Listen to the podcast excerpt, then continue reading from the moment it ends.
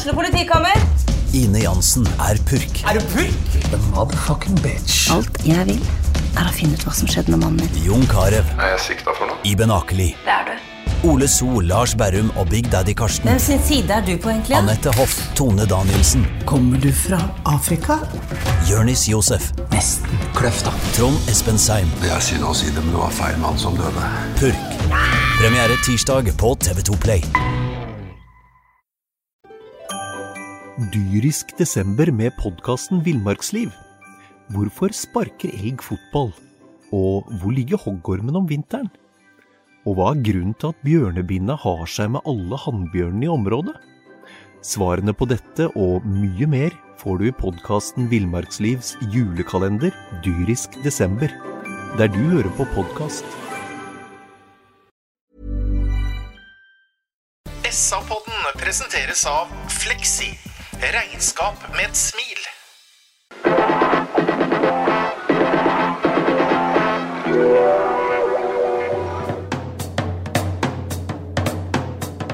Sarpsborg Arbeiderblad gir deg en ny episode av SA-podden med Sven René Nygård, Øystein Weber, Petter Kalnes og Bjørn Inge Bingen Nilsen. Hallo og hjertelig velkommen til en ny utgave av Nei, jeg skal vel ikke si SAs fotballpod, for dette er en kombinasjon av syk og svak og dårlig bak-pod og uh, fotballpod. For i denne sendinga så glimrer eh, vår alles store venn og mester eh, Bingen med sitt sykdomsfravær. Igjen er ikke Bingen her, Han er syk. Han er syk, ja. Og sliten, sikkert. Weber, som var ute av sjang med leppa nå, han sitter her som en uh, krekke. Han har vondt i ryggen. Sjøl ramla jeg trappa i søndag formiddag, Sven. Ikke si noe annet enn det. Og har veldig vondt i hofta. Og Sven, du sliter fortsatt med litt uh, Skal vi si retur fra fredagens julebord. Ja, altså Hvis du tenker f.eks. langrennsløpere, så drar de på høydetrening. Mm. Jeg drar på akevittparty en gang i året. Og da trenger du du, du trenger liksom litt tid til å balansere deg, rett og slett. Ja, og Både Øystein og jeg var på samme akevittlag, og vi har hatt bedre lørdag, vi òg. Nei, jeg syns at det gikk Det gikk kjempefint i går. ja. Ja, veldig bra. Ja, ja. Nok om det. Det her er ikke interessant. Det som er interessant, Øystein, det er uh, Mjøndalen Sarpsborg 08 1-3. Og da begynner vi å nærme oss eh, litt sånn historie i 08, hvis vi skulle skal vi si, ta de to siste månedene. da. Ja, vet du hva, vi kan godt begynne der i dag, Petter. For eh, jeg òg følger jo med i det sosiale medier og kampens gang og kommentarer osv. Og, så og det er masse å sette fingeren på, det, det er ikke noe tvil om det.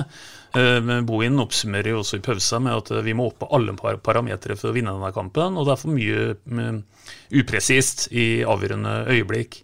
Men så er det jo en gang sånn da, at fotball også dreier seg om resultater. Og da vil jeg bare starte litt nå, Petter, med å ramme inn de siste to månedene.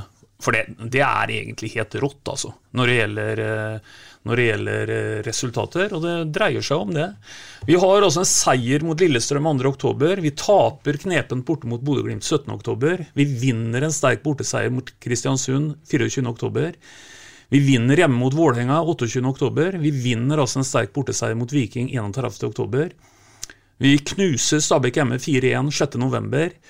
Eh, Vi spiller eh, for mange en litt skuffende uavgjort hjemme sist mot, eh, mot Odd, og i dag så vinner vi 3-1 på Konsto Arena mot et lag som neppe har tapt 3-1 i sånne skjebnekamper tidligere. Og summa summarum på det er at vi har altså tatt 19 av de 24 siste mulige poengene det er mulig å ta. Det gir oss et poengsnitt på tett opp mot 2,4 poeng. Alle som følger litt med, vet at det er jo Altså, Det vil du vinne serien med i alle normalsesonger, det, det, det poengsnittet der. Og, og det er altså 18-9 i målforskjell, på, og nå er vi altså på de siste åtte kampene. og du vet Når vi snakker åtte kamper, da går det ikke an å kalle det et blaff. altså. Da begynner vi å nærme oss en tredjedel av en sesong. Så jeg syns vi kan godt understreke det poenget at eh, vi har nå passert to hele måneder, hele oktober, hele november, som er resultatmessig noe det antagelig eh, ikke kan bli hverdagskost å oppleve. Det er det beste i 08s historie. Udiskutabelt. Og som du ganske riktig sier, er her i denne rekka så er kamp i Stavanger, det er på Kristiansund, og det er en sånn mot et Mjøndalen som har kniven eh, hardt mot strupen. Det gjør jo dette ekstra sterkt. Sven, jeg vil tippe at du kommer til å bruke ordet kontinuitet ganske fort nå? Ja, eh, her, eh, ja, ja men, men, men, vi ser jo det der. Altså, altså for det første vil jeg bare begynne med å si at den bortekampen i dag Ja, vi møter Mjøndalen. Ja, Mjøndalen lå på nedrykk, men der har de ligget hvert år i den situasjonen de er i nå, eller på den årstida her. Og det er nesten ingen som klarer å få med seg noe i sånne møkkakamper som vi så for oss i dag. Men den kampen her er så gjennomført. Vi er klar til beste fotballaget. Eh, vi spiller med de samme gutta, vi har de samme relasjonene. Og jeg Altså, det er masse feil i dag, men, men det gjør jo Bodø-Glimt i kamp her òg. Altså, de gjør masse feil i løpet av en fotballkamp. Vi kan godt ta overgangsmuligheter som er dårlige, vi er unøyaktige osv. Men sannheten er at vi vinner 3-1 på en vanskelig bortearena. Og sannheten er at vi står så høyt i banen i store perioder. Altså, vi knuser Mjøndalen i press. Vi vinner første ball, vi vinner annen ball, så mister vi ballen, og så er vi på dem, og så starter vi nye angrep. Vet du hva? Jeg syns den kampen her i dag var fantastisk bra gjennomført. Og det er mange folk sikkert der hjemme som mener at jeg tenker helt feil, men, men det her altså, Jeg har den feelingen for at Jeg hadde bange tanker i dag. For jeg vet hva Mjøndalen pleier å gjøre på den årstida her, som jeg sier. Og vi har ingenting å spille om i utgangspunktet. Hva gjør vi? Er Vi dominerer fotballkamper bort på Konsto, og det imponerer meg. Bare for Øystein Skjepperte. til. men det at han, Lars Bohinen tar ut omtrent det samme laget hver gang nå de siste to månedene så har jo laguttaket vært Ramma har vært helt klar. Er det, er det det avgjørende for suksessen her? Jeg tror at det er meget avgjørende. For nå ser du jo de her fotballspillerne. Maigård, eh, Dario altså De tar imot ballen, de vet hvor kameraten er, det går fort. De starter i, i, på løp i mellomrom. Saletros vet at de er der. Vi har jo ikke vært der før i år, tidlig i år. Altså nå er Vi vi har en trygghet i det offensive spillet. Vi kommer til målsjanser. Vi skårer mål fordi de kjenner hverandre bedre og bedre og bedre. Og selvfølgelig er det sånn. Bodø-Glimt gjorde dette her i fjor, de har gjort det i år. Uten skader så spiller jo Kjetil Knutsen med de samme folka. De leser hverandre inn og ut. Selvfølgelig er det en fordel. Mm. Og så er det sånn, eh, Vi har vært inne på det og kan gjenta det en gang til. Bakteppet i dag er at vi møter altså et Mjøndalen-lag eh, på det du kaller Nedre Eiker, Petter, som har de spiller rett og slett for livet, da, hvis vi skal gjøre fotball til, til ordentlig alvor. Uh, og det er aldri enkelt for noen å møte, møte Mjøndalen i en sånn en, uh, kamp. Og vi kommer altså unna med å vinne en fortjent uh, borteseier, som kunne vært større. Vi kunne også sluppet inn mer enn ett mål. Men, men, det er noe med at det som står i banken nå, det er en 1-3 er resultatet på, på Konsto Arena. og det det er sterkt målt mot alle som hadde vært i en tilsvarende kamp. Mm. Og Vi prata litt på slutten av forrige sending Petter, om eh, Jeg nevnte at vi måtte ta på oss arbeidshanskene. Hvor eh, Saletros utsatte etter intervjuet sa å ta på ballesko. Og det gjorde de også i dag i store perioder. Men det guttene gjorde i dag, de tok på seg arbeidshanskene fra én. Fra første sekund. Det var ut i alle dueller. De utligna dem. Vi vant mange av dem. Vi kan dra fram en sånn derre altså Jeg må bare si at jeg ble mer og mer imponert. Den derre lille Erik Vikne. Altså, det, det, smeller og dunker. Han går ned, han skårer mål i dag. Han er i dueller, han peiser på. Og Det er liksom, det er den innstillinga du må ha for å få med deg noe på konsto. Petters Nedre Eiker for å kunne vinne fotballkamp. Og det tok du med. Og da vet du 08-gutta, og Lars Bohin og Sven Nygaard, da er vi et bedre lag. Og det var kun det ankepunktet i dag. De ble med i krigen. Klart best. Like sant. Bra. Kampen starter jo med at vår venn eh, fra Mali, Ibrahima Kone, endelig kommer på skåringslista igjen. En corner blir eh, klarert. Eh, Mikkel Margaard, som har slått corneren, får tilbake ballen etter hvert. Og et perfekt innlegg på første stolpe, og Margaard header Nei, unnskyld, Kone header i mål. Viktig at Kone skal være målet hennes. Ja, det er viktig. Og så viser jo Margaard akkurat der igjen da, at han har tenkt å opprettholde en viss statistikk når det gjelder å være en poengspiller. For der har jo han målgivende. Nå har jo Margaard hatt bedre dager på jobben enn i dag. Men eh, også enig i det du sier. Viktig at, viktig at uh, Kone nå fikk sitt uh, ellevte, blir vel det, da. Mm. Uh, for nå har det vært litt rann, tørke, og det er rart med den psykologien rundt det. Så det tror jeg var veldig, veldig viktig. Og Så går Sarpsborg 8 høyt ut fra start, Sven, og får denne skåringen. Men så, så svarer Mjøndalen bare et par minutter etterpå. Et innlegg fra Sarpsborgs høyreside. da Uh, blir slått over mot, uh, mot da venstre kantspiller, eller venstre wingback uh, Joakim Thomassen, som da blir lurt litt av Lars Olden Larsen der. ikke veldig overbevisende forsvarsspill. Nei, og det kan man kanskje prate litt mer om etterpå. Der ser jeg som gammel defensiv spiller to feil. Den ene er altså Magnar Ødegaard er på vei ut mot han som legger innlegget. Eh, på bra fart ut, egentlig, og så bremser han farta litt. Så han Jeg husker jo ikke hvem som akkurat la det innlegget fra Mjøndalen, men, men han får litt for god tid. Og så enda mer ikke selge seg, men liksom fortere uti. Lage en dårligere vinkel og, og gjøre den uh, innleggsmannen litt mer stressa. Og så taper Joakim Thomassen helt fair en duell, og derfor blir det 1-0. Uh, akkurat i den duellen der så skal ikke Thomassen tape. Han skal se bak ryggen sin. Han blir lurt på det løpet. Dermed så er det 1-1. Så der er det for meg to feil, da. Mm. Kan jeg få lov til å driste meg med en tredje feil her? Jeg mener også at Dyrestad, som er venstre midtstopper, da, altså innafor Thomassen, blir dratt for mye mot ballen og får den over seg. Hadde han vært litt uh, kaldere, istedenfor å følge Mjøndalsspillerens løp, heller venta og sett på ballbanen, så kunne hedda den unna. Kanskje. Ålreit. Det, ja, det, det, er ballwatching-feil av han, men samtidig så er det én mot én med Thomassen. Og da er det opp til hvem som vinner, ferdig med det, og mm. den tapte Thomassen. Mm. Og så er ikke den første omgangen veldig, veldig imponerende. Bortsett fra én ting som vi, som vi, sjelden ser på Jeg sier fortsatt det det er ikke, da. Av Sarpsborg, som dominerer banespillet mer eller mindre totalt.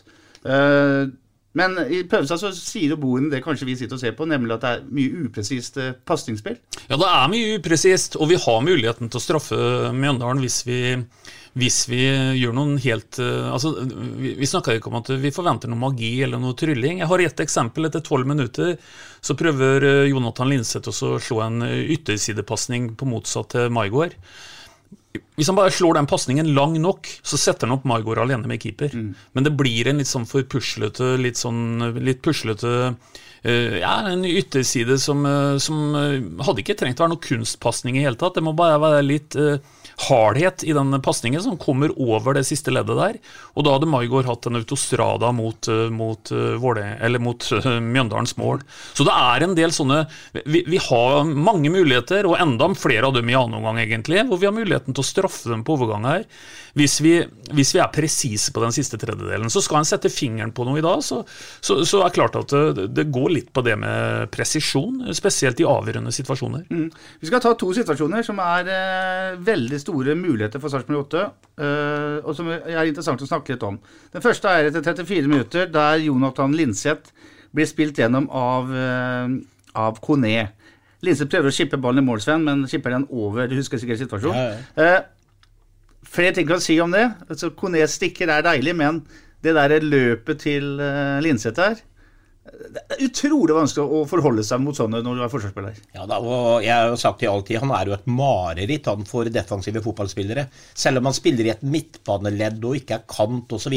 Om han er indreløper, så kommer jo Jonathan Linseth. Og det er klart at du, du får mye å forholde til det. Pasningen var fantastisk. Løpet var fantastisk. Og idet han fikk ballen, så var jeg sikker på mål. Mm. For er det noen som er god på det, så er det egentlig Linseth.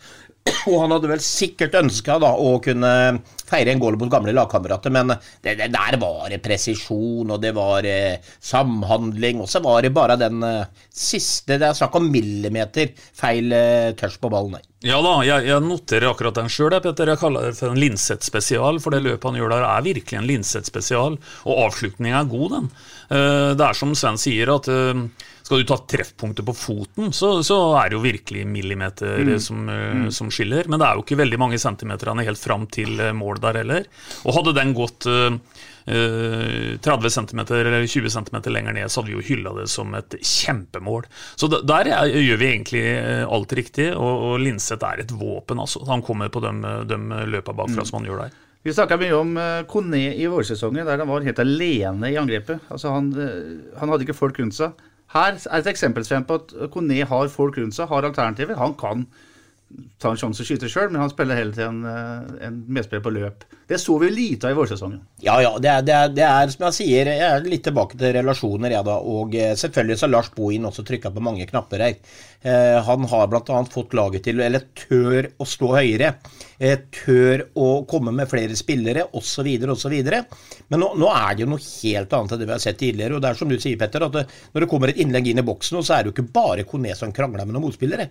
Det ligger jo folk to til inni der. Kanskje én eller to i returrom, osv. Og så, videre. så det her har vært en forvandling. Og eh, hvis det, den forvandlinga fortsetter, da, så Nei, da, vet du, det blir så spennende. Men jeg håper nå at vi har is i magen og vi får med de fleste gutta som spiller nå videre. Og eh, at dere det blir litt sånn videre da, at de som er best hele tiden, de spiller mest. Og eh, så får vi heller ha færre folk rundt oss, så tror jeg vi kan bli vanskelig å ha med å gjøre i 2022. Mm, enig. Dette var 34 minutter. 37 minutter så kommer en, en ny uh, situasjon som jeg vet du har tanker om, eh, Sven. Denne gangen er det uh, Joakim Thomassen som blir spilt fri på venstresida. Uh, naturlig nok, han er jo på venstresida. Uh, Det var Saletos, hvis ikke jeg husker helt feil. Nydelig pasning. Thomassen kommer seg rundt sin oppasser og har tre valg, etter min mening. Han kan skyte. Han kan spille som han gjør, til en kone som er markert. Men så er det tredje, det tredje alternativet som vi har snakka om tidligere. Da, Sven. Hva skulle Thomassen gjort?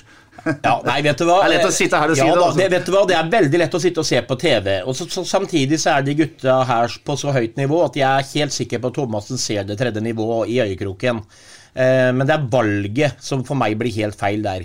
Og det er opp og ned i mente prat etter fotballkamper om en forsvarsspiller som gjorde en dårlig jobb, eller en keeper som gjorde en dårlig jobb, som gjør at du ikke vinner en fotballkamp, f.eks. Men så har du så mange situasjoner i løpet av en fotballkamp, offensivt, hvor det er enkle valg man gjør feil, som garantert nesten hadde resultert i en scoring. Så prater man bare om det lite grann. Én reprise, ferdig. Så viser vi reprise på reprise på defensive feil. Men Idet den ballen når Thomassen, så ser jeg at Maigård bremser. Keeper går litt ut for å dekke av skuddvinkelen til Thomassen. Så er det jo verdens enkleste pasning. Det er bare å legge en sånn rolig tilbake. Så har du hele korridoren for Maigård på ett touch, rett i åpent mål. Og det er liksom, altså Jeg henger ikke ut Joakim, for Joakim syns jeg var som vanlig opp og ned, opp og ned, og bidro masse i dag. Men det er noe med dette her at man glemmer litt, og man må ha mer fokus på de feila òg, da. Mm. For det er ett mål framover, og så ikke bare fokus på det målet, ett mål bakover. Mm. Og du husker ikke feil hvis du spurte deg sjøl om det var Saletrus som slo, uh, den pasningen. Det er helt riktig, Petter, og den kan vi godt kommunisere mer om. For den åpner hele butikken. Mm. Det er helt Saletrus spesial, det òg. Uh, slår den på innsida der til, til, til Thomassen, og så kommer jo det som han Sven er inne på, at uh, det hadde sikkert gått også uh, gjort et bedre valg, men, men måten han, han, åpner forsvaret deres med den pasningen, det, det, er sånn vi vil se mye mer av Anton Saletros. Fortsett med det. Og så vil jeg si én ting til om Thomassen. Det jeg syns Thomassen tross alt gjør bra i dag, selv om ikke alle involveringer var like, kall det, heldige det er at han, han, står veldig høyt og gir alltid oss et pasningsalternativ crossover eh, på motsatt side.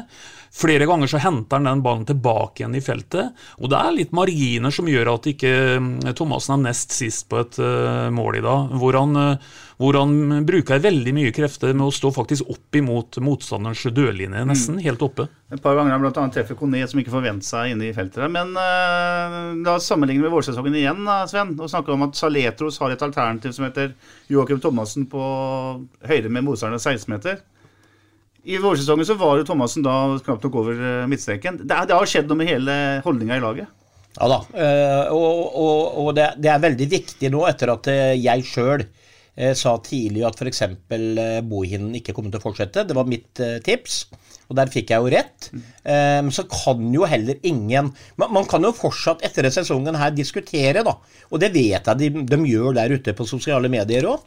Mange vil ha Lars Bohin til å bli osv. Det valget er tatt, så det er vi ferdig med.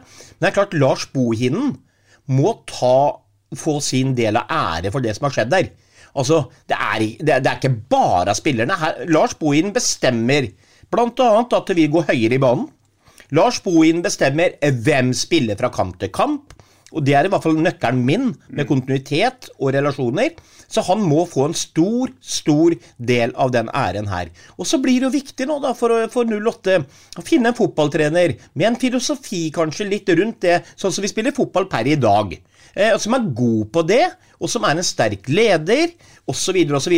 Og så må Berntsen ut og hente de spillerne som er kanskje enda bedre, som er bra i det systemet. Vi prata masse om. Og hvis vi klarer dette her, det er jo nesten en rød tråd, sånn som Bodø-Glimt har holdt på det.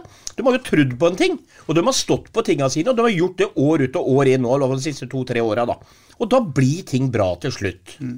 Sven har rett i at dette blir diskutert uh, rundt, uh, rundt både kafébord og på sosiale medier, Øystein. Uh, skal vi her i poden bruke mer energi på Lars Bohinen, eller er det en situasjon som f.eks. her er helt umulig å reversere, altså den beslutninga som er tatt? Altså, Teoretisk er ikke den umulig å reversere. Det har aldri skjedd før. Nei, og det, det, tror jeg ikke vi skal bruke noe energi på.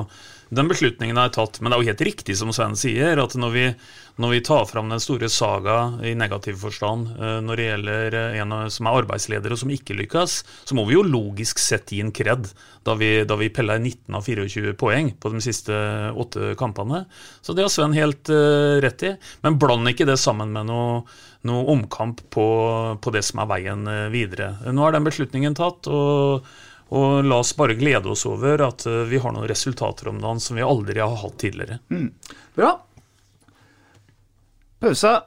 Uh, I pausa så er Lars Bohin uh, ikke veldig, veldig, imponert over laget sitt, egentlig. Han syns det blir gjort for mye feil, at det er for dårlig tempo. Hva er hovedkonklusjonen om annen omgang, Sven? Hvis vi tar det store bildet først. Altså, jeg var egentlig veldig fornøyd med slutten på første omgang. For da kjører vi jo Mjøndalen helt ned i 16-meteren. Og vi pøser inn alt det. Så min tanke der og da var rett og slett bare å gå ut og gjøre akkurat det samme dere har gjort noen siste 20 minuttene. Og det føler jeg at vi gjorde.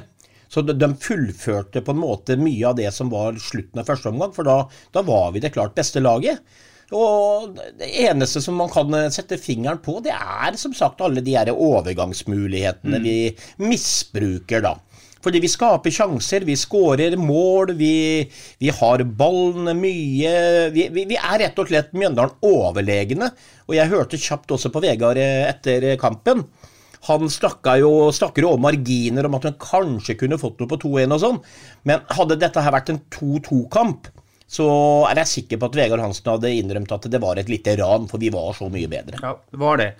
Eh, det tar et kvarters tid før det virkelig begynner å skje noe foran målet, men da kommer en eh, det vil si Etter 18 minutter, 63 minutters spill av matchen, så kommer det tre heftige situasjoner, Øystein. Det starter med at Solberg Olsen eh, kaster et innkast til Gauseth som havner hos Marigård. Uh, Marigård gjør en, et merkelig valg. Det ender i at det ikke blir noe ut av en gratissjanse. Så dunker Dario et langskudd i tverrleggeren. Og så kommer 1-2, eh, eller 2-1-mål til Sarpsborg 8 ved Eirik eh, Vikne. Og det er jo et sånt mål som, som skaper energi, for der er det to, tre, fire dueller så ender den med at den dunker den i mål fra 6-7 meter. Det er, det er sånne mål som du Å, det er deilig! Ja, men det, det er ikke bare det det er, liksom, det, det, er så mye i forkant av det målet. Det er så masse dueller, dueller, dueller inne i boksen der. Og så er det eh, stolpe og nye dueller, krangling av ballen. Og så kommer jo den lille musa, da. Erik Vikne, liksom av alle. Og bare liksom får tak i den inne i mølja og kliner den inn. Og det er som du sier, det gir så energiboost. Du forteller hverandre at dette skal vi klare, og vi har en vinnervilje nå om dagen som er ekstremt sterk. Og det er, eh, det er, en, det er mye penere, det målet der, enn at Saletro setter den fra 30 opp i vinkelen. For meg er det et mye vakrere mål. Fordi det er mange involvert, og det, handler om vilje og Ja, det handler om liksom den her, som jeg snakka om forrige gang mot Odd, da. Den der, den her lille ekstra desperasjonen som, som, jeg følte Odd hadde helt på slutten av kampen, hvor vi ikke hadde denne situasjonen. Der var de desperate inne i boksen. Vi trøkka, trøkka, trøkka. Åh, det er verdens herligste mål. Jeg bare tenker på én ting, Petter. Du sier at Dario dunka den i tverrliggeren. På Tune og Greåker i gamle dager, der du spilte, det kalte ikke tvelligeren den, den eh, loddrette stanga? Nei, det var kanskje stanga, sorry. Ja, ja. Hvor mange centimeter handla det om? Nei, det var, det var 40 cm. 40 cm var det mye? Ja. Er det mye? Hvor mye? Det er viktig for Øystein å pelle ja, ja, ja, ja, ja. Da må vi være litt. Vi, vi er jo kritiske mot andre. Når du spilte på B-laget til Borge ute på Gråholmen, ja. hva kalte dere den som lå på toppen? Var det tverrliggeren? Ja, det kalte vi tverrliggeren. Ja, ja, altså, vi er enige om begrepene her. Men, men etter hvert, vet du, så jeg noterte meg når Oppsett kom inn og sto og hadde en eh, sånn en eh, artig passiar med Cato Clausen, og virkelig virker avslappa, så bare noterer jeg meg at nå har jeg litt forventninger til det han skal levere i dag. For, for han virka på en måte så lave skuldre og så veldig, veldig Ja, det virka ekte, det smilet han hadde før han kom kom innpå. Og der hadde vi jaggu litt i vente. Der, Ja, ikke sant? Men det, og det der er jo Cato Clausen på sitt beste, da. Er ute og slenger noen meldinger til en som skal innpå, liksom, og tar ned alt. Så er sikkert veldig stressa for det da, men la oss si det her hadde vært en guttunge som skulle debutere 18 år gammel. Da hadde Klausen hatt en rolle. Ja, ja, men, men, eh, altså, en fotballklubb og, og, og, og, si, om de er alt fra daglig ledere til tredere til materialforvaltere Alle har en misjon. Alle har en jobb å gjøre. Og hvor mer pedagog du klarer å være og, slå noen på rumpa og si 'dette er bare gøy', liksom, så alt, alt sånt noe er bra. Helt, helt klart. Eh, Margaard kommer, eller Margaard går altså ut, Fardal Opseth inn. De legger om til, en- med 3-5-2-formasjon med, med Fardal Opseth og Kone på topp. Og så kommer det en femminuttersperiode der jeg har skrevet merkelig med store bokstaver på arket mitt. For der skjønner jeg ikke hvorfor Sarpsborg 8 plutselig legger seg så dypt, eller blir spilt så dypt. Hva skjer der, da? Men det, eh, men eh, det var da Nei, Rett etter byttet. Rett etter byttet. Nei, det, det, det, det er forlengelse av målet, i og for seg. Ja. Ja. Nei da, det, det, er jo, det er jo ikke så lenge etter at vi gjør 2-1. Og der har du, som jeg har vært innpå mange mange, mange ganger, også gammel fotballspiller, det er et mentalt sinn i alle huer, ikke sant? Alle, alle tenker Oi, nå leder vi. Nå, kan vi fall, nå tar vi ikke noen sjanser, da. Ikke sant? Eh, Vi, vi slår ikke den vanskelige pasningen til å begynne med, vi skal ta vare på, nå leder vi, vi får tre poeng. Og så hvis sju av ti fotballspillere ute på den banen der, uten en keeper, da, som tross alt ikke skal ut og hente ballen, begynner å tenke litt sånn, så blir det at du legger deg på rett side. Og det, men Da er det en treners oppgave igjen, og da er det om å få justert om den der. For her må vi fortsette å angripe, for da styrer vi hele butikken. Så jeg tror faktisk at det der er helt mentalt.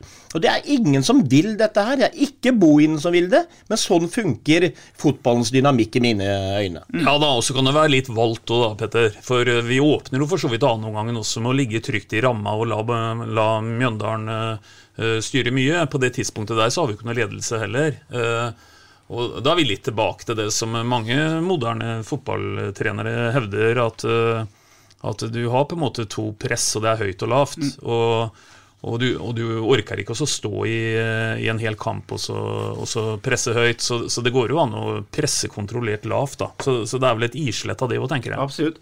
Selv om Mjøndalen har ball mye i den femminuttersperioden vi snakker om, så har Sarpsborg 8 kampens neste sjanse. Igjen er det Eirik Vikne. Eh, kombinerer med Dario og eh, kommer litt skrått eh, hold før han får avslutta, så det blir ikke noe ut av det. Og så er Dario i sentrum etter 73 minutter. Og da er det én ting som bekymrer meg. Vi skjønner at Dario er skada, eller har gått i bakken. Og så filmer ikke rettighetshaveren eh, sekvensen, Øystein. Og da, da får du sånn der eh, vemmelig følelse i maven, liksom. For vi husker Eriksen, vi husker eh, Paulsson. Eh, men så er kanskje da rettighetshaver klok av skade, da, at de holder seg unna situasjonen. Ja, du kan jo egentlig ikke kritisere dem for det. Nei, på for, måte, eh, ikke sant? For, For, eh, Jeg tenker på det alvorlige ja, ja, ja, ja. Du får et litt sånn gufs av det. Altså. Mm. Det har vært litt mye i det siste som gjør at, eh, at en er litt redd for at uh, fotball kan bli betydelig mer alvorlig enn det trenger å være innimellom. Og da, Du har referert et par historier mm. sjøl. Men heldigvis da så var det ikke, var ikke så alvorlig. Men du, du, ja, du får en litt sånn en eh, guffen følelse altså, når det skjer. Vi tar med oss en uh, Mjøndalen-sjanse etter 78 minutter. Etter en corner, klabb og babb. Til slutt så har Anders Kristiansen uh, endelig nevene på kula. Det tok litt tid før det skjedde. Der har faktisk Mjøndalen kanskje omgangens uh, mulighet. Og så etter 79 minutter Svendrine, René, så kommer det en eh, kar vi har lengta etter å se i blått igjen, nemlig Gisje Molins på banen. Erstatter uh, Kone. Det var vel ikke noe voldsomt inne på, han gjorde, men det er noe med øvraen rundt uh, Det er den mannen som nå i hvert fall faktisk har nesten lyst, like lyst hår som dere to. Har han Ja. farga håret, eller er han eh, Ja, han like har nok farga, mens vi mm, har mista det litt mer naturlig, da. Eh, Ja, Snakk for deg sjøl, så. Ja, men du er helt hvit, Øystein. Jo, jeg, men- er, jeg er blond, jeg. Ja, men jeg har farga det hvitt, jeg. Ja, du har gjort det, ja. Skjegg òg. Ja. Nei, men eh, du skal gå tilbake til sportslig. Nei da, men du har helt rett i det. Eh, Samtidig så hadde han eh, en pasning der til eh, Det var vel til Jo da, det var til oppsettet. Som er genial i løpet der, hvor han tar en liten kort touch. Hvor egentlig oppsett er alene med keeper, men har et dårlig touch. ikke sant? Det var ene tingen han gjorde. Og så så du jo på de her desperate løpa. Han gikk i 45 noen ganger, han slo litt ut med armene, ville ha ballen. Men Oppsett kommer da inn og skaper hele det målet sjøl. Det er han som begynner hele angrepet der. Og så Hvis man legger merke til detaljene, og snakker han Øystein Dyrisk desember med podkasten Villmarksliv. Hvorfor sparker elg fotball? Og hvor ligger hoggormen om vinteren? Og hva er grunnen til at bjørnebinna har seg med alle hannbjørnene i området? Svarene på dette og mye mer får du i podkasten Villmarkslivs julekalender dyrisk desember, der du hører på podkast. akkurat om lave skuldre og alt dette her. Og så han lukter vet du, at her kan det komme retur. Og hva gjør han for noe? Han har venstrebeint.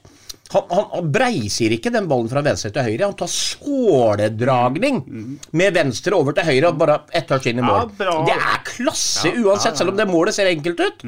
Noen kunne kåla med det første touchet der. Nei da, han bare legger knottene på ballen, ruller den til høyre, inn i åpent mål. Game match set. Men, men, eh, Minuttet etter at uh, Gisje Molins kommer på banen, så kommer altså skåringa som Sven snakker om. Det starter med at uh, at Oppsett eh, kombinerer med Linseth, er det vel, og får igjen uh, Linseth for ballen. Slår et eh, innlegg som eh, ender med et skudd. Kristian Saletrus, Saletrus skyter. skyter med høyrebenet. Kristian Fardal Opseth lukter den akkurat som Sven sier. På Ja. rullende ball så tar Ja. den en såledragning. Den er ikke helt enkel teknisk sett heller. Det manglet på Grovvollen på Borgard som har hatt trøbbel med den, Øystein. Ja, ja, absolutt. Eh, Dette er definisjonen på en tyv, det vet du. Altså Det Ja, du kaller en måltyv. Ja, ja. Det han gjør der altså Mange hadde blitt eh, for hete på grøten der og så prøvd å satt returen, og antagelig rett i keeper, så han hadde fått en sjanse til til å redde den. Men måten han er kald i hodet der og trekker den med seg, Mm. som han eh, Sven sier, på en en eminent eh, såledragning, det er det gjør, bare, det gjør bare sånne folk som en gang i tida skåra 28 mål i, i Obos-ligaen på 30 kamper. Mm. Det, det, du har noe i det som ikke veldig mange andre har, faktisk. Han har ikke spilt veldig stor rolle i veldig stor del av sesongen, Sven, men han har jo ikke vært viktig de gangene han har vært på banen, og i form. Det er litt rart med han, fordi han eh, kom inn som innbytter. Det var borte mot Molde første gangen, hvor han skårer etter tolv sekunder eller noe sånt nå. Og så eh, går jo en ganske lang periode her, og så blir det mye begynner vi og tvil og diverse ting og sånn, og hadde litt rann til å begynne med der. Men så, etter den her oppgjøret han tok med seg sjøl i avisa og sa at vet du hva, det er jeg må skjerpe meg omtrent, og han sto fram, så har han virka utrolig skarp hver gang han kommer inn nå. Det, det, det oser kvalitet av den mannen der. Også. Det, I forkant av det målet der, også, det er et løp på venstrekanten hvor han, du ser han har jo fart i beina, han har ordentlig kliv. Og du ser den lugna han har, og det venstrebeinet der. Så, eh, jeg sitter med en følelse av at han, vet du, han er ikke ferdig. Altså, han, han, han kan gi mye fortsatt til den han eventuelt øh, håper si kommer til å spille for. Så det her er en, øh, en fantastisk spiss å ha i bakhånden i et fotballag. Og Nå har vi ikke regna sånn veldig på det, men det kan vi gjøre til en annen anledning. Men jeg våger nesten den påstanden, Petter, at hvis du en måte det må ha mulig å måle effektivitet på, eller eh, mål på, er jo å måle i, i snitt i forhold til antall spilte minutter. Og da er kanskje Fardal Opseth på topp.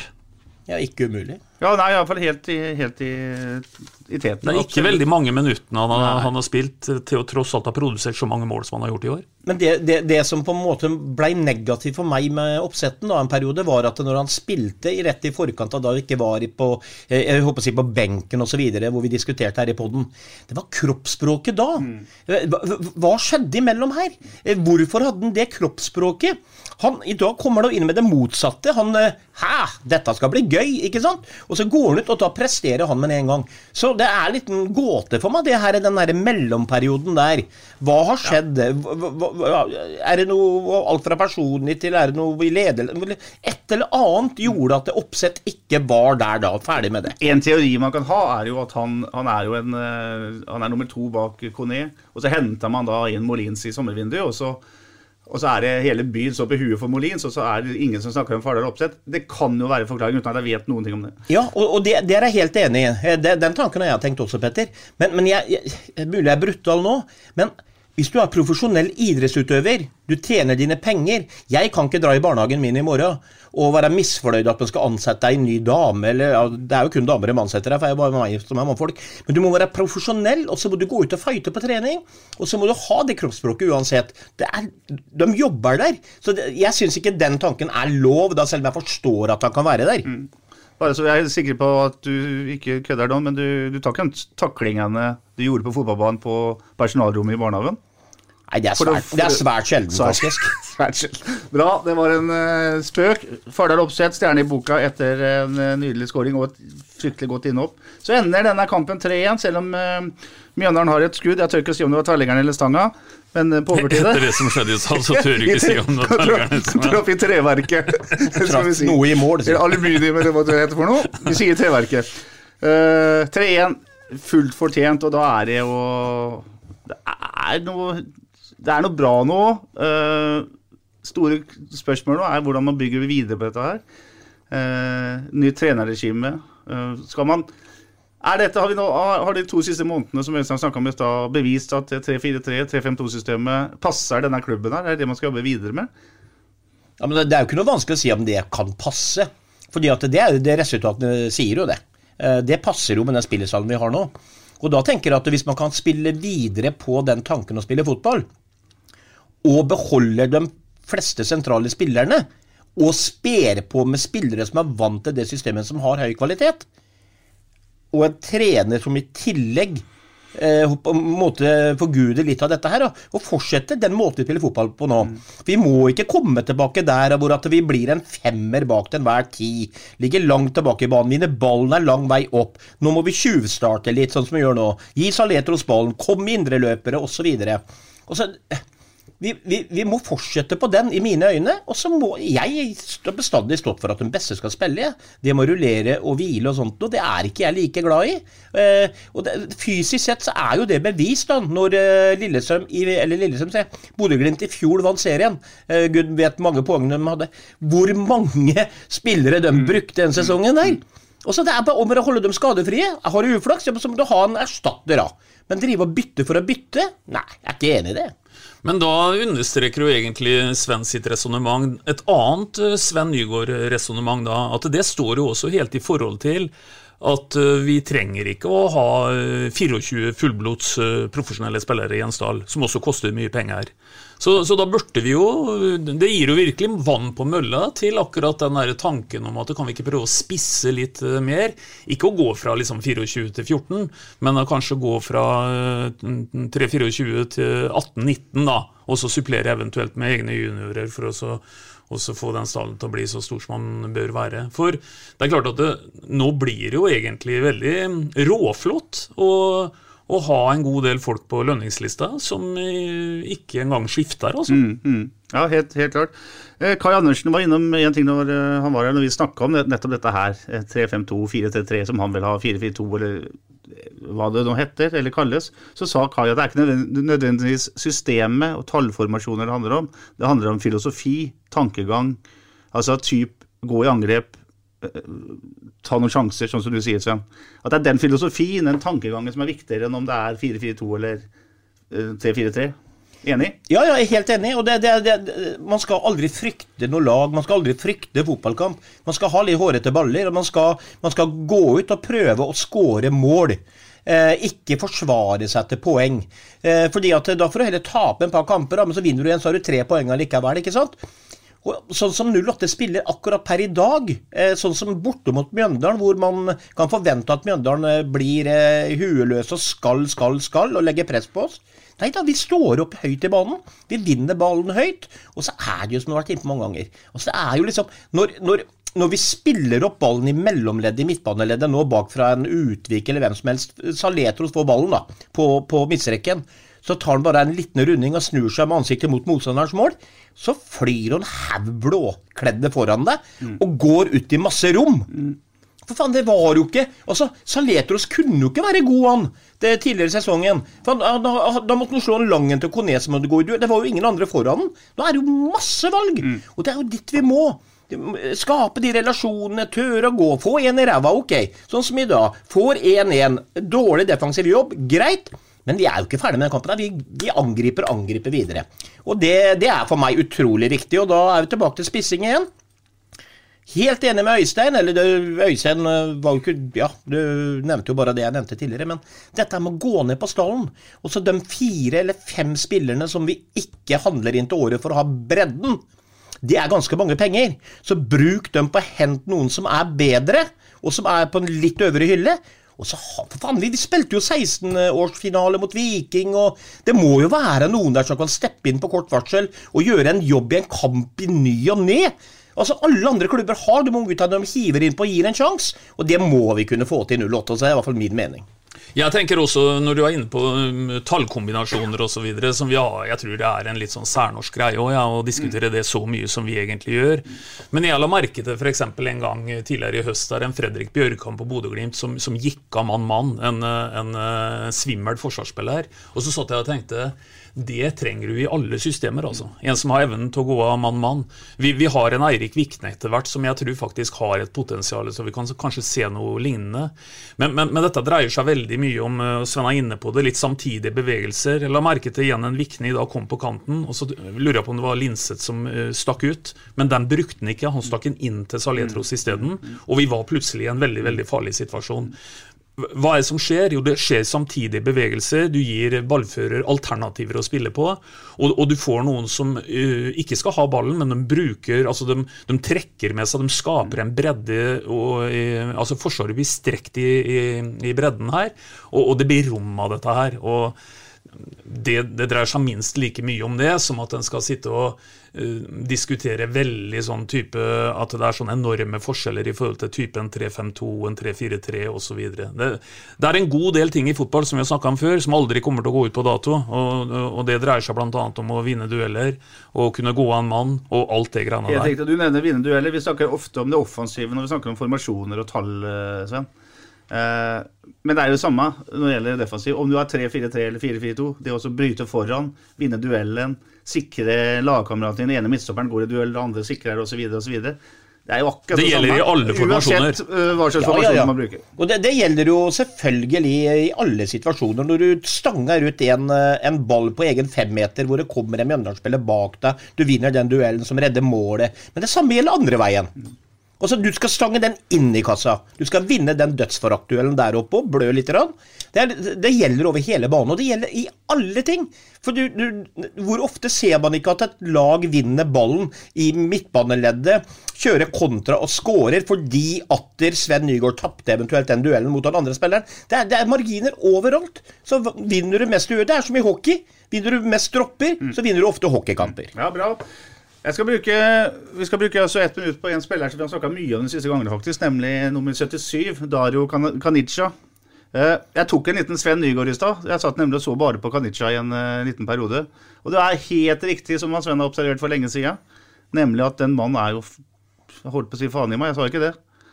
Sa jeg det? Spillbar hele tida, Sven. Utrolig fine bevegelser. Og som du også har sagt tidligere, han drar seg ut på side, han drar seg dypt, dypt, dypt i banen. Han kan ta et, et løp framover i banen for å være spillbar. Veldig bra spiller, rett og slett. Og, og kommer til sjanser, setter den i stolpen. Han er liksom, og var på et annet skudd som ikke var veldig vellykka.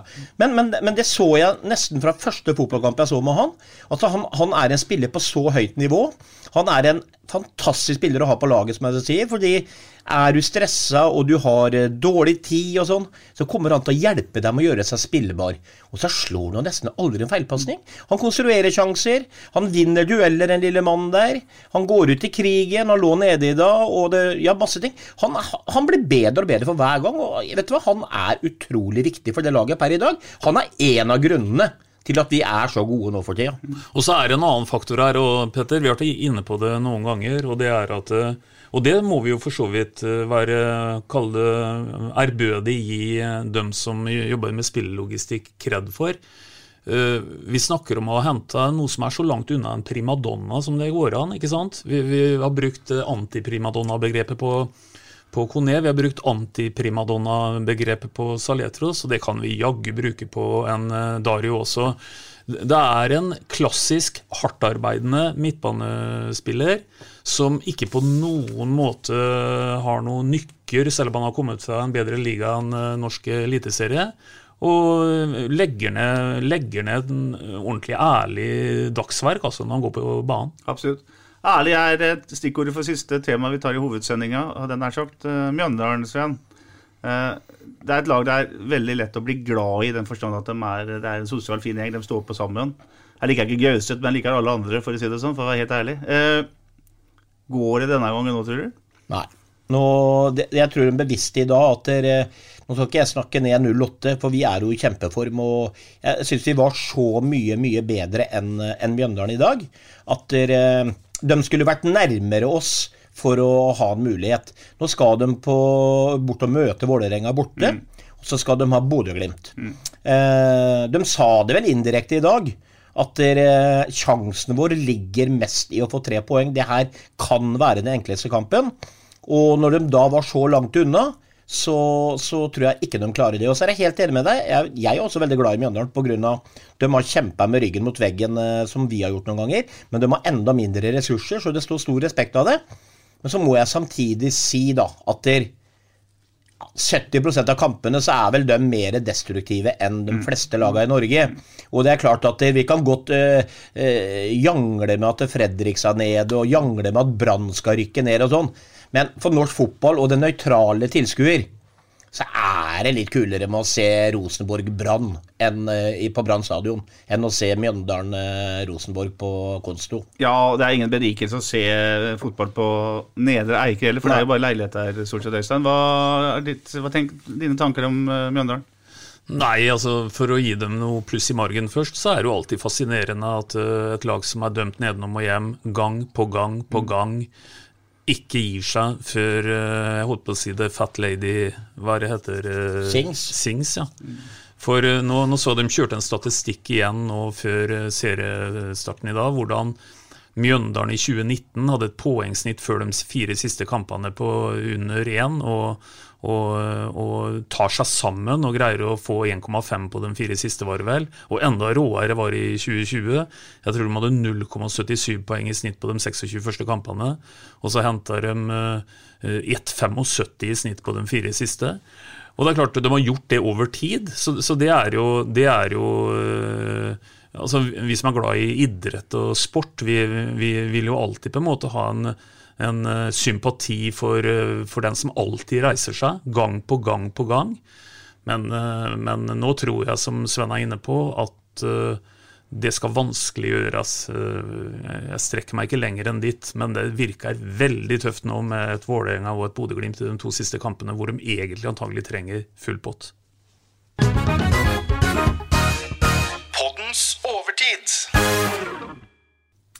For ikke mange dagene siden ble det klart at uh, Raimond Fjell etterfølger Espen Engebretsen som daglig leder i uh, Sarpsborg 08. Engebretsen har sjøl bedt om avløsning, og han får det uh, ved årsmøtet i mars måned. Raimond Fjell er kjent som mann bak Proso, kles- og sportsutstyrsleverandøren på, på landet. Han har en uh, fotballfortid i Skjeberg og i SFK. Er nå bl.a. nestleder i Sarpsborg uh, fotballklubb. Hva var det første du tenkte Øystein, da Raimond Fjell ble offentliggjort som ny daglig leder? Nei, hva skal jeg si? Jeg tenkte i hvert fall at det overraska meg veldig om ikke en Espen Engebretsen har gitt tommel opp for det. For de har jo jobba sammen, og de har sikkert en dialog nede på stadion der når, når en skal gjøre et, gjøre et sånt et valg. Det er vel ikke et valg som skaper noen sånne overskrifter i, i tabloide hovedstadsaviser, men det er, ikke, det er for så vidt ikke så, så viktig. Det, det, viktige er hva, hva gutten kan, kan, gjøre i den rolla han er uh, satt i. Og så tenker jeg sånn at uh, her skal vi gi folk en uh, sjanse. Jeg kjenner ikke Raymond Fjell. og og Derfor så blir det helt feil av meg å gi noen karakteristikk i forhold til det. Men jeg tror at uh, Eh, de som har skoen på, de vet hvor skoen trykker. Og han har vært en del av eh, det interne miljøet der eh, ganske lenge. Hadde jo en viktig rolle i e-cup-året med, med, å gjøre riktige ting i forhold til et ganske komplisert regelverk. og og så registrerer jeg også, det er jo ganske viktig, at jeg har vel knapt registrert én negativ kommentar på det. Så da er det all grunn til å tro at det valget det det er et bra valg. Blir du overraska, Sven?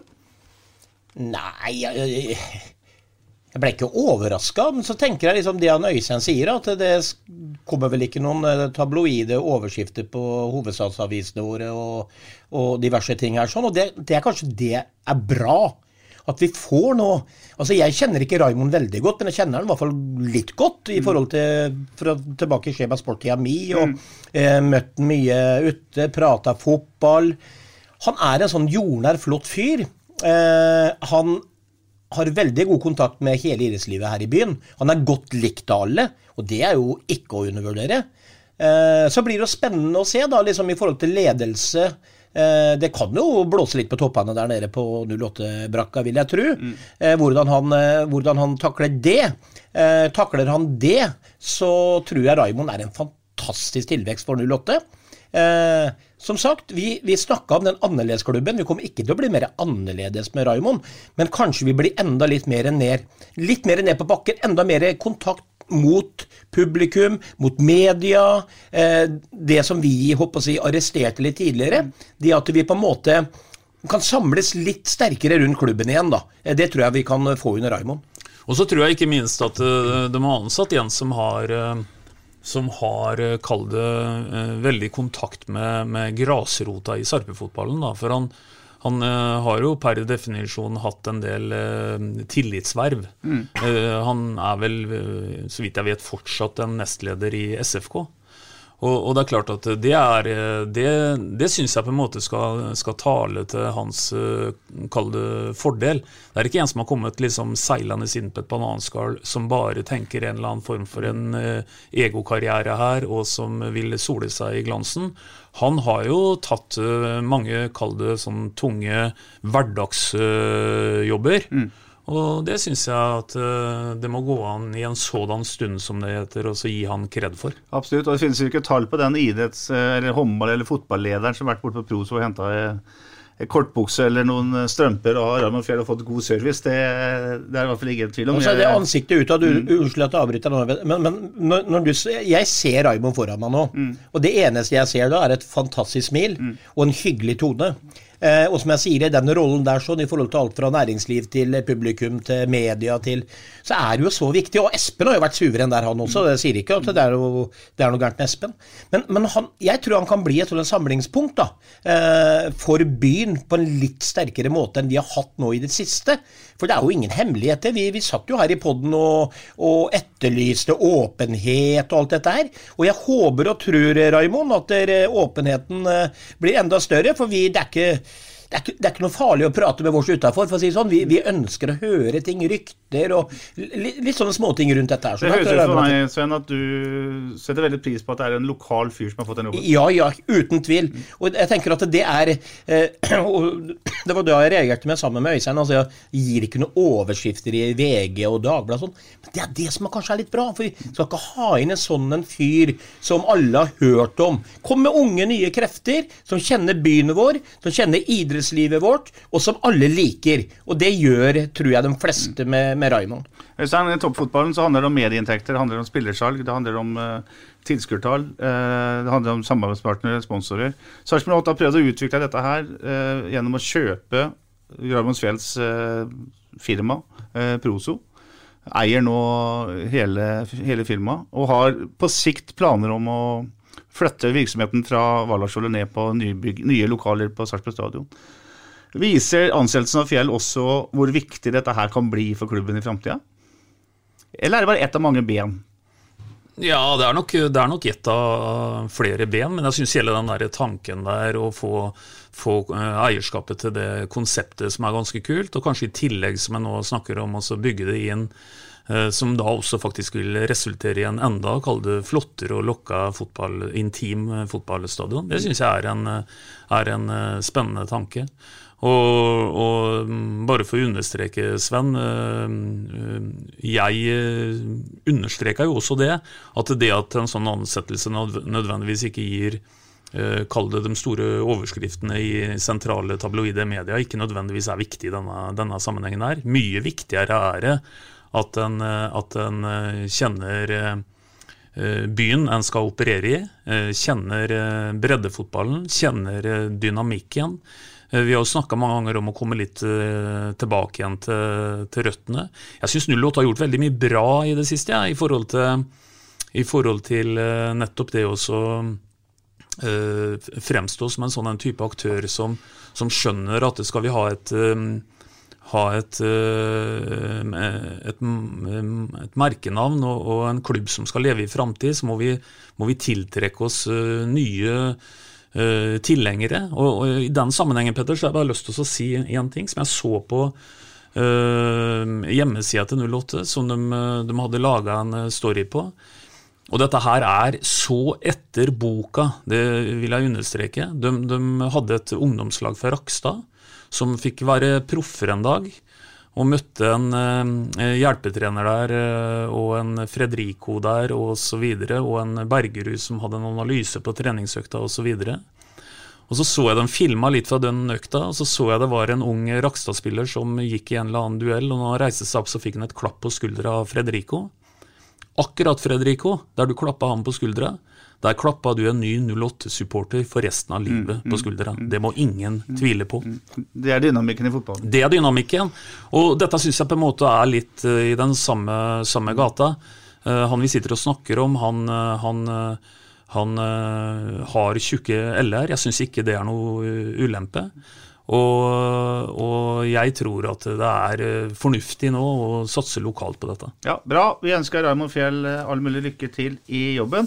Og så skal vi etter hvert bruke mye tid på å takke Espen Engebretsen for den jobben han har gjort, men den tar vi når det nærmer seg årsmøtet, tenker jeg. Eh, det står to matcher igjen på spillerprogrammet. Pulsen er lav, og blodtrykket er lavt, og alt er i orden, Sven. Eh, det er Tromsø hjemme. Og det er eh, en bortekamp deretter, som jeg nesten har glemt. Men det er jo på Brann stadion, selvfølgelig, mot, mot Brann 12.12.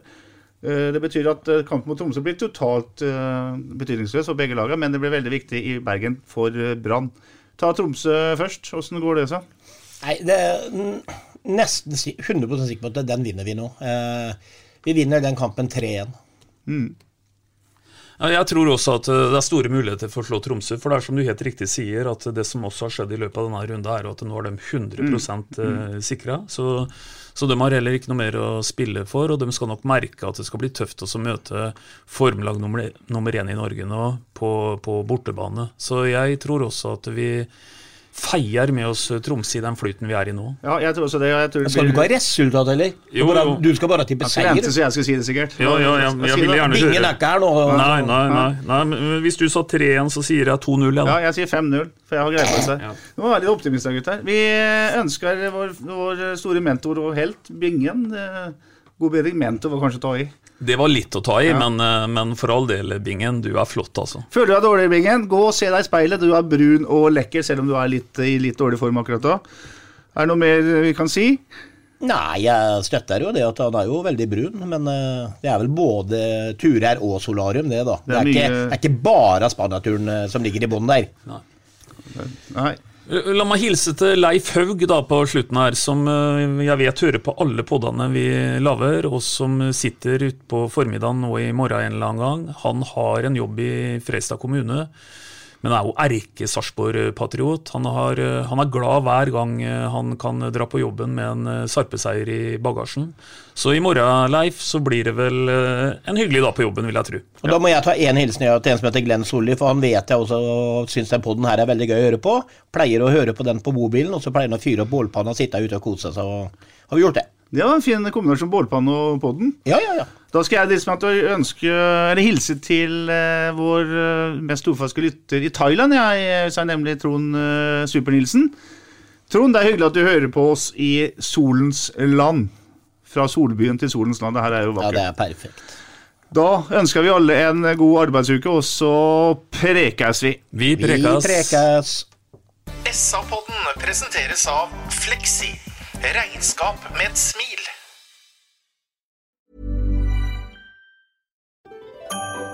dyrisk desember med podkasten Villmarksliv. Hvorfor sparker elg fotball? Og hvor ligger hoggormen om vinteren? Og hva er grunnen til at bjørnebinna har seg med alle hannbjørnene i området?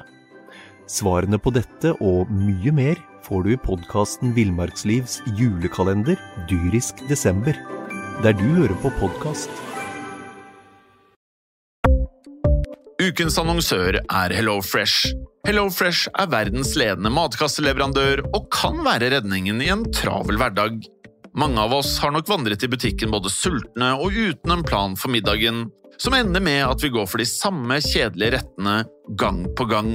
Middag burde være dagens høydepunkt. Som Hello Fresh kan du nå velge mellom 25 ulike retter hver eneste uke, eller få Hello Fresh til å sette sammen menyen for deg. Dette gir deg muligheten til å prøve nye og spennende retter alene eller sammen med familien. Du velger antall porsjoner og får alt levert på døren på et tidspunkt som passer for deg. Oppskriftene er enkle, og maten er lett å lage både for store og for små. Ved å få alt levert hjem får du også mer tid til å dele matgleden med familie og venner. Kanskje det frister med asiatiske tacos eller greskinspirert kylling?